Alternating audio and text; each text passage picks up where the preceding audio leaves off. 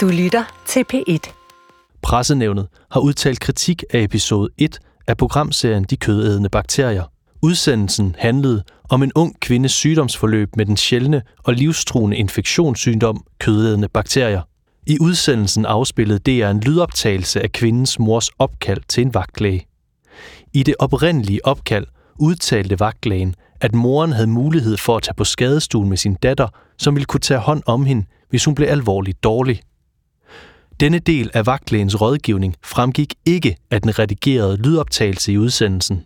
Lægeforeningen og de praktiserende lægers organisation har på vegne af vagtlægen klaget til pressenævnet over udsendelsen. De mener, at DR har klippet vagtlægeopkaldet i et omfang, der får vagtlægen til at fremstå uempatisk og forhastet over for en fortvivlet mor, der ønsker hurtig lægehjælp til sin datter. Pressenævnet er enig med Lægeforening og praktiserende lægers organisation i, at DR's redigering af vagtlægeopkaldet over for seerne giver et misvisende indtryk af vagtlægens håndtering af opkaldet. Pressenævnet har derfor udtalt kritik af DR for redigeringen. Hele pressenævnets kendelse kan ses på pressenævnets hjemmeside www.pressenævn.dk. Jeg skal helt køres lidt her fra operationsgangen på Kolding sygehus til Vita i Odense. De havde åbnet hende op, og ja, ja, det var dødt. Altså, vævet var dødt. Så der er narkosepladser og narkoselag med. Okay. Det køres lidt. Jeg Og det var Kolding operationsgang Kolding operationsgang 1 til Vita i Odense. Jeg glemmer aldrig, da vi træder ind på det her intensiv. Altså, der er bare sådan en stemning derinde, som er mørk. Altså, I ved sådan, det er... Det er bare det er så stille. Det er en forårsdag i 2019. Annettes 17-årige datter Mathilde har skåret sig på en flaske og er blevet syet i hånden. Hvilke fingre drejer det sig om? Det drejer sig om langemand og ringfinger, tror jeg. Så vidt jeg lige kan se. Hvad hun ikke ved er, at hendes hånd er ramt af den farlige sygdom kaldet kødende bakterier. En sygdom, hvor tiden er altafgørende for, om du overlever, og hvor op mod hver fjerde patient dør. så begynder organerne at, lukke ned, og øh, det dør vi af. Men lægerne skal komme til at overse en række vigtige symptomer hos Mathilde. Jeg tror, hvis du sammenligner med meningitis, så tror jeg, at hele befolkningen de er klar over den her sygdom. Men det er de ikke, når det handler om kødende bakterier. Og nu advarer flere eksperter om, at vi i Danmark er for dårlige til at opdage den farlige sygdom, og det får katastrofale følger. Så går hen og kysser hende på kinden, og jeg visker ind i hendes øre, at jeg elsker hende overalt på jorden, og hun skal komme tilbage. Fra P1 Dokumentar. Det her er de kødende bakterier. Mit navn er Christian Stemann, og du lytter til første episode.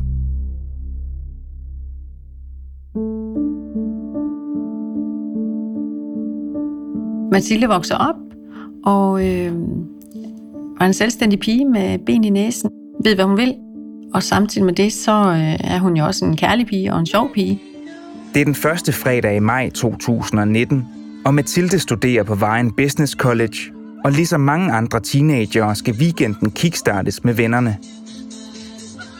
Mathilde fortæller, at, øh, at hun er jo med i festivallen, og de skal lave den her øh, fest, fredagscafé, hvor hun går helt vildt op i den, og hun har lavet nogle konkurrencer, og øh, hun skal være med til at starte allerede kl. 9 om morgenen, hvor de skal pynte op, og hun skal stå i baren, og, øh, og Mathilde hun er sådan helt høj af det, fordi hun glæder sig helt vildt.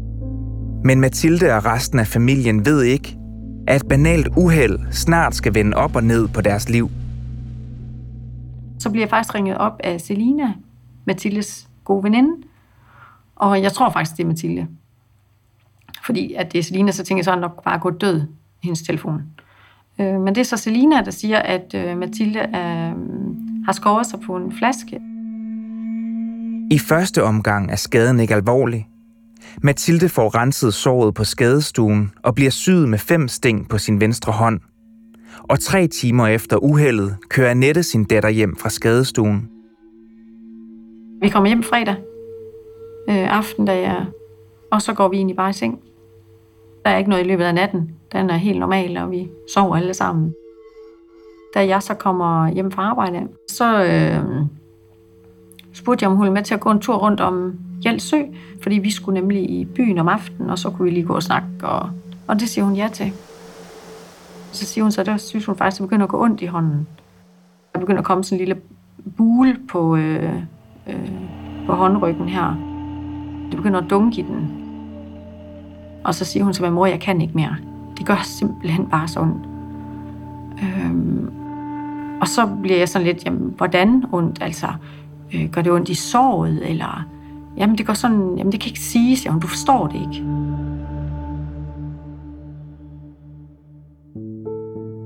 Jeg hedder Marco Bo Hansen, og jeg er læge og forsker. Jeg har lavet min Ph.D. på Rigshospitalet inden for de her øh, nekrotiserende bløddelsinfektioner. Marco Bo Hansen er en af landets førende forskere i nekrotiserende bløddelsinfektioner, også kaldet kødende bakterier. En farlig, men også sjælden sygdom, som ca. 150 danskere hvert år bliver ramt af. Der er en dødelighed på mellem 20 og 25 procent.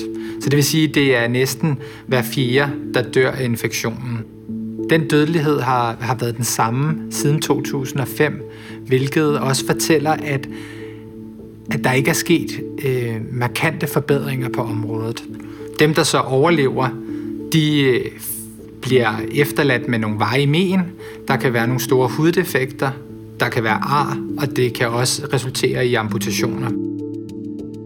DR har fået adgang til alarmopkald, patientjournaler og en lang række dokumenter i Mathildes sygdomsforløb. Samtidig har vi bedt tre eksperter gennemgå hendes sag. Og for Mathilde og mange andre patienter viser DR's research, at det kan være svært for sundhedsvæsenet i Danmark at opdage kødende bakterier i tide, hvilket har store konsekvenser. Ifølge eksperterne er der et akut behov for, at sundhedsvæsenet bliver klogere på den her farlige sygdom. Efter at have beskæftiget mig med det her område igennem øh, en årrække nu og forsket i det og gennemgået de fleste sager, der har været de seneste fem år, så vil jeg mene, at der er plads til forbedring. Særligt på det område, der hedder for mistanken det er der, vi skal blive gode, og vi skal blive skarpe. Hvad er alarmsymptomerne? Stærk, stærk smerte? Jamen det skal vi reagere på, og det skal vi reagere rigtig hurtigt på som fagpersoner, og sikre, at borgeren kommer hurtigt ind på hospitalet og kommer til operation hurtigst muligt. Det vil i sidste ende gøre, at flere overlever, og måske flere undgår at få amputationer eller store huddefekter.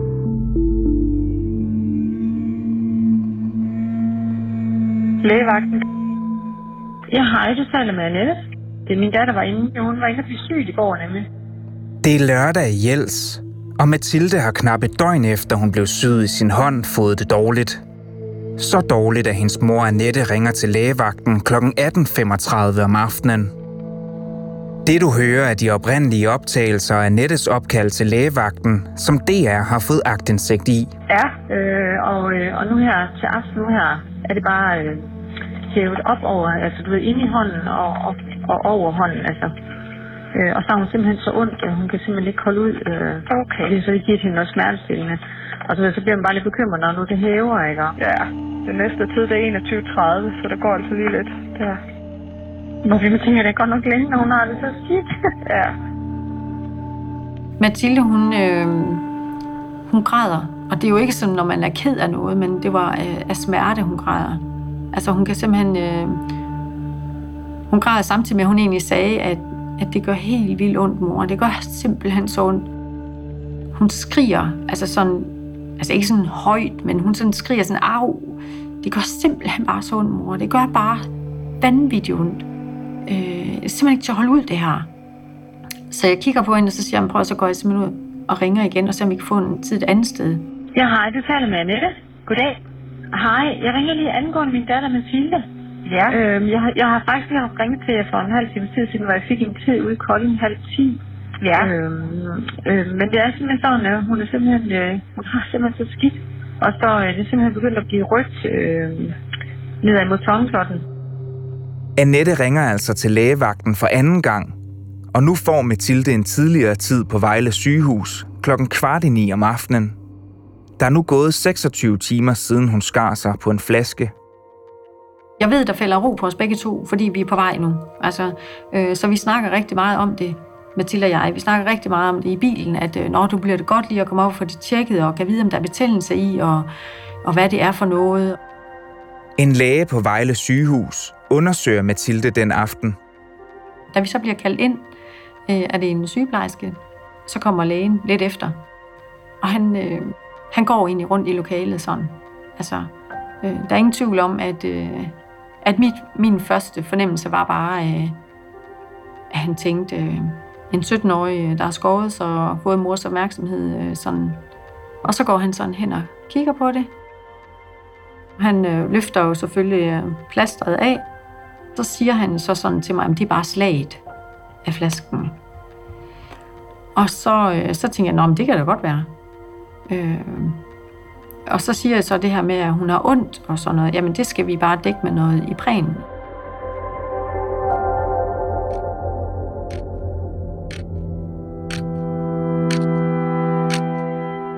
Der er nu gået knap 28 timer siden Mathilde blev syet.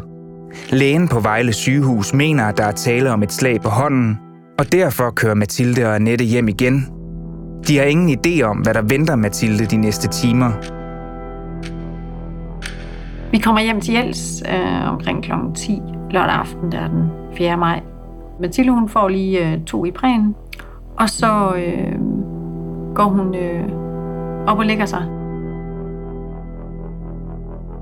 Så råber Mathilde lige pludselig inden for hendes værelse, at øh, hun skal kaste op. Og så tager jeg sådan lige, øh, hjælp af hende lige op af sengen, øh, og tager ved hendes arm, og så øh, løber vi egentlig ind, og Søren øh, løfter toiletbrættet, og, og så kaster hun op. Før, der synes jeg sådan, det var sådan en, en, en lille bule, men nu er den faktisk blevet, den blevet højere, og så er den blevet mere spændt inde i hånden er også blevet mere sådan en mere og mere kugle, så, øh, og hendes fingre er blevet tykke. I hånden foregår der en krig, kan man sige. Den ene er bakterien, der frigiver gifte, og den anden er, at vores immunforsvar selv, de sunde, raske celler, prøver at bekæmpe bakterien. Ifølge Marco Bo Hansen ved man ikke præcis, hvorfor bakterien rammer nogen og ikke andre. Ud fra et forskningsmæssigt perspektiv er vi lidt i tvivl om, hvad der præcis sker for dem, hvor det går rigtig galt. Fordi der er rigtig mange rundt omkring i landet, som falder og slår sig, får et brud eller på en eller anden måde ødelægger huden, og det bliver en indgangsport for bakterier. Og man får måske en lille infektion, men det spreder sig ikke og bliver ikke til den her kødædende bakterie. Men hvis det bliver til en kødædende bakterie, så er det afgørende, at lægerne opdager det og behandler hurtigt. Det kan gå så hurtigt, at det faktisk ser ud som om, at bakterierne æder sig ind i vævet, og det er derfor, det har fået navnet kødædende bakterie. Mathilde er nu så syg, at hendes forældre Søren og Annette kæmper med at hjælpe hende på badeværelset. Og det bliver værre med hende. Så mens hun egentlig kaster op, så får hun faktisk også diarré. Så hun sidder faktisk på toilettet med en spand og kaster op. Hun sveder helt vildt. Hendes øh, t-shirt, den er drivvåd. Altså, jeg kan, øh, jeg kan vride den. Så vi skulle have hende ind og have hende vasket. Vi tager jo tøjet af hende, og Søren står lige uden for bruseren, og jeg går så ind med hende i bruseren. Og hun siger egentlig, at, øh, at hun kan ikke se noget der. Og hun står inde, og så siger hun, mor, jeg skal besvime. Får jeg hende sådan løftet ud, og så får Søren fat i hende i, i benene, sådan, og vi får hende så ned og ligge lige så stille. Og så ligger hun jo bare øh, nøgen på gulvet, og øh, altså totalt blottet, og så ligger hun bare fuldstændig som en klud. Altså.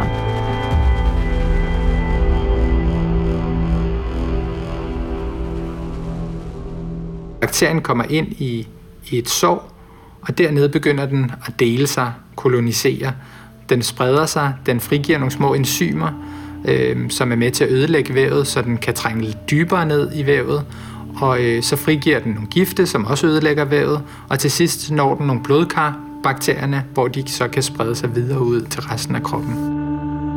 Det går rigtig hurtigt, bakterierne deler sig hurtigt, og i løbet af få timer kan man begynde at mærke, at der er en infektion det sted, hvor bakterierne er trængt ind. Når Mathilde kaster op, og det sortner for øjnene, og har det rigtig dårligt på det tidspunkt, jamen så fortæller det mig, at infektionen er gået i blodet og har påvirket hendes andre organer. Og det er ganske alvorligt, fordi så er man nået til et stadie i infektionen, der tyder på blodforgiftning, og måske også en begyndende øh, choktilstand. Så kaster hun meget blod op, som i meget blod. Og så kigger jeg som på Søren, puh, ja, og så du også det? Ja, det så han godt, og så sagde jeg, prøv når, vi lige, når hun er færdig, så, og hun kommer ind og ligger, så går jeg simpelthen ned og ringer. Hun er besvimet for os, og hun har kastet op og haft diarré, altså, hvor hun ikke kan styre det, og hun så kaster blod op, så tænker jeg, det er alarmklokker for mig, som gør, at der er noget helt galt. Det er nu natten til søndag, 31 timer efter Mathildes uheld. Mathilde har det nu så dårligt, at hendes mor vælger at ringe til vagtlægen for tredje gang. Hej, jeg ringer lige angående min datter Mathilde. Ja. Øh, ja, øh, det er sådan, at øh, hun var inde i går og blive syet inde på skadestuen i hendes finger. Ja. Og så det, og så har her i øh, øh, sidst på eftermiddagen, der begyndte der ofte under hævelser og noget. Og, men så siden der har hun så faktisk bare, øh, nu har hun simpelthen øh, kastet op og haft øh, diarré. Og nu har hun simpelthen begyndt at kaste blodet op også. Øhm, Altså, de to det- ting har jo ikke noget med hinanden at gøre. Nej, det ved jeg godt. Men øh, jeg tænker bare lige, hvad, hvad, hvad der så lige sker. Øh, fordi hun er fuldstændig... Øh, jeg tror, hun har kastet op og haft diarré siden kl. halv ni. Altså, hun har... her... Altså, hun har jo fået en maveinfektion. Ja. Det er der, der ikke nogen tvivl om. Nå, okay. Det er der jo ikke, altså... Det, og der er jo epidemi og sådan noget lige for tiden med sådan nogle gastroenterit, altså maveinfektion. Og behandlingen af det, det er jo, som man skal sørge for at få noget væske. Ja. Og så hvis det gør ondt, så er nogle panodiler til at tage smerterne, og ikke alle panodiler. Det er sådan set, hvad det er, der, altså, øh, andet er der ikke, der ved det. Nej, okay. Jamen, øh, det gør vi så. Sådan er for det. Godt, ja. Hej. Ja, hej. Natten til søndag har Mathilde altså svedeture, blodige opkastning og diarré.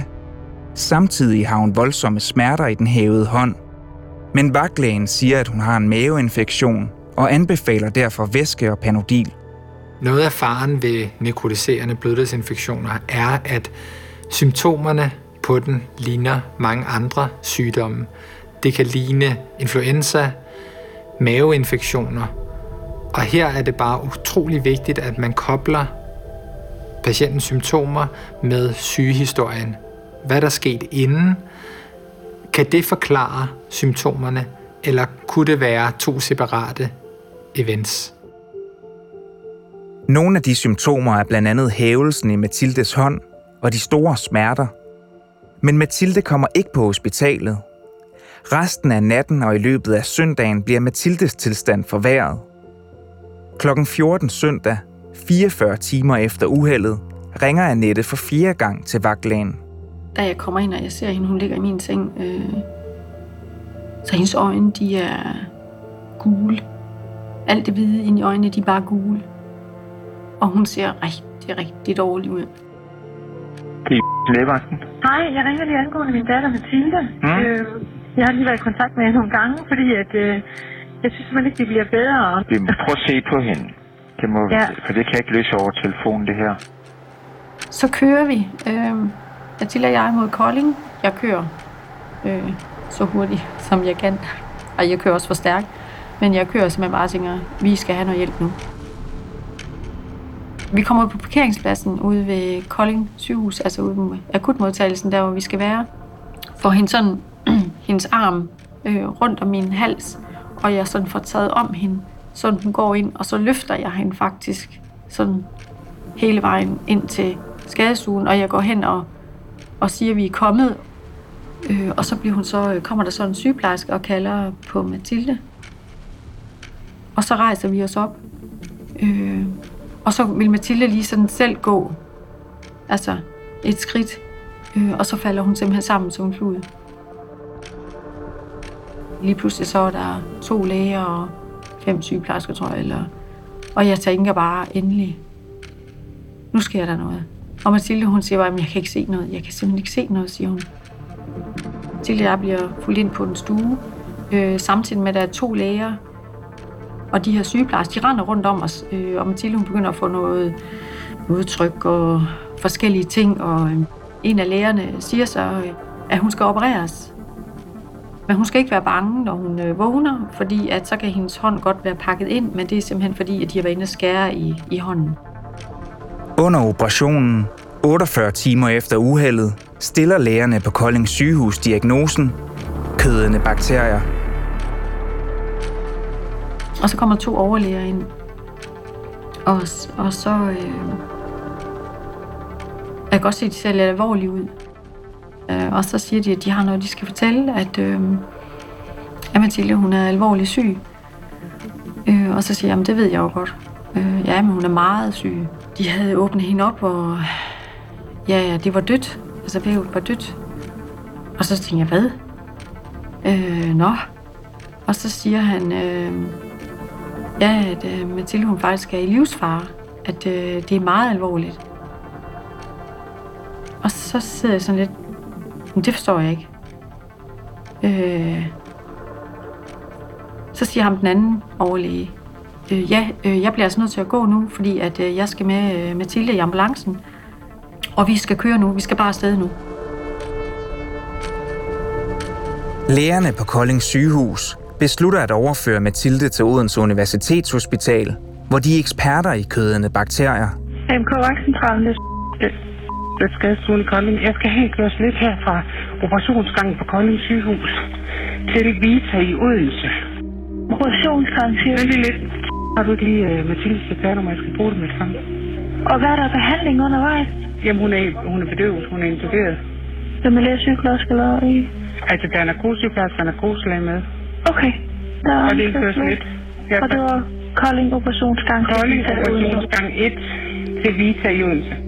Og så siger ham her lægen, der bliver tilbage, at det er kritisk med Mathilde. Og så siger jeg, okay. Og så siger han, kan du selv køre hjem? Og så siger jeg, øh, det ved jeg ikke. Altså, Mathias kommer, altså min søn, han kommer nu her. Øh, øh, vi har aftalt, at han skulle komme her. Nå, okay, jamen så kan han jo køre dig hjem og så få pakket en task, og så øh, kan I komme afsted. Da jeg så går ud øh, øh, af svingdøren, så øh, ser jeg bare Mathias, han øh, holder, og så kommer han ud, og så brød min verden bare sammen. Øh, og så tænkte jeg bare, hvad? Øh, I livsfare? Altså, det forstår jeg slet ikke. Under transporten i ambulancen til Odense bliver Mathildes tilstand forværret. Da Mathilde ankommer til hospitalet, er hun i et såkaldt septisk chok. Det er en tilstand, hvor der ifølge Marco Bro Hansen er op mod 50% risiko for at dø.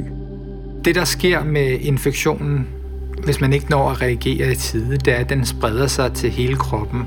Kroppen går i chok, øh, organerne begynder at lukke ned. Man får det, vi kalder for multiorgansvigt. Det betyder, at når først vores nyre ikke fungerer mere, og vores hjerte ikke pumper ordentligt, jamen øh, så begynder organerne at lukke ned, og øh, det dør vi af. Men hvor alvorligt det står til med Mathilde i ambulancen, ved Annette, Søren og Mathildes storebror Mathias ikke, før de ankommer til Odense. Jeg glemmer aldrig, da vi træder ind på det her intensiv.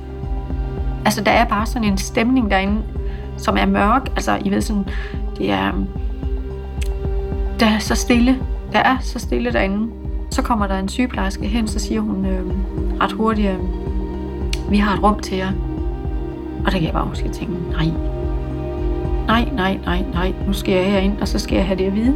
Og så siger hun så, øh, det her det er så jeres rum til jeres lille familie, og det her I må være lige så meget, I har lyst til. Og så siger hun egentlig, jeg kan ikke sige så meget endnu.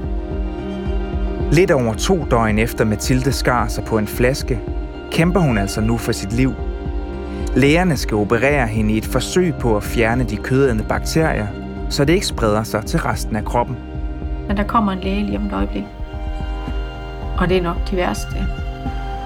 Det værste. At jeg skulle sidde og vente på noget, jeg ikke vidste, hvad var.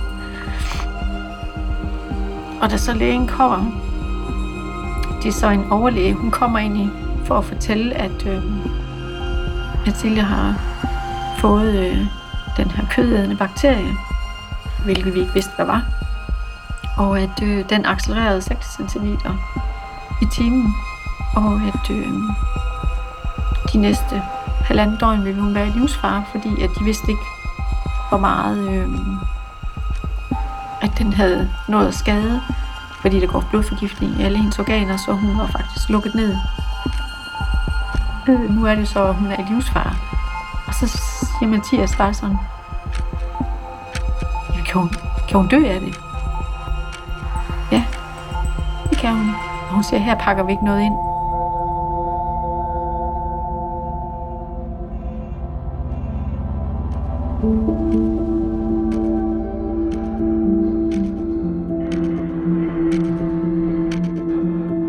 Du har lyttet til De Kødende Bakterier, en podcast fra P1 Dokumentar. Idé og research af Allan Christiansen. Ida Skjærk har lavet lyddesign. Temamusik er komponeret af Asbjørn Kjærgaard Pedersen. Anne Skjerning er redaktør. Og serien er tilrettelagt af Jonathan Plasing og mig. Jeg hedder Christian Stemann.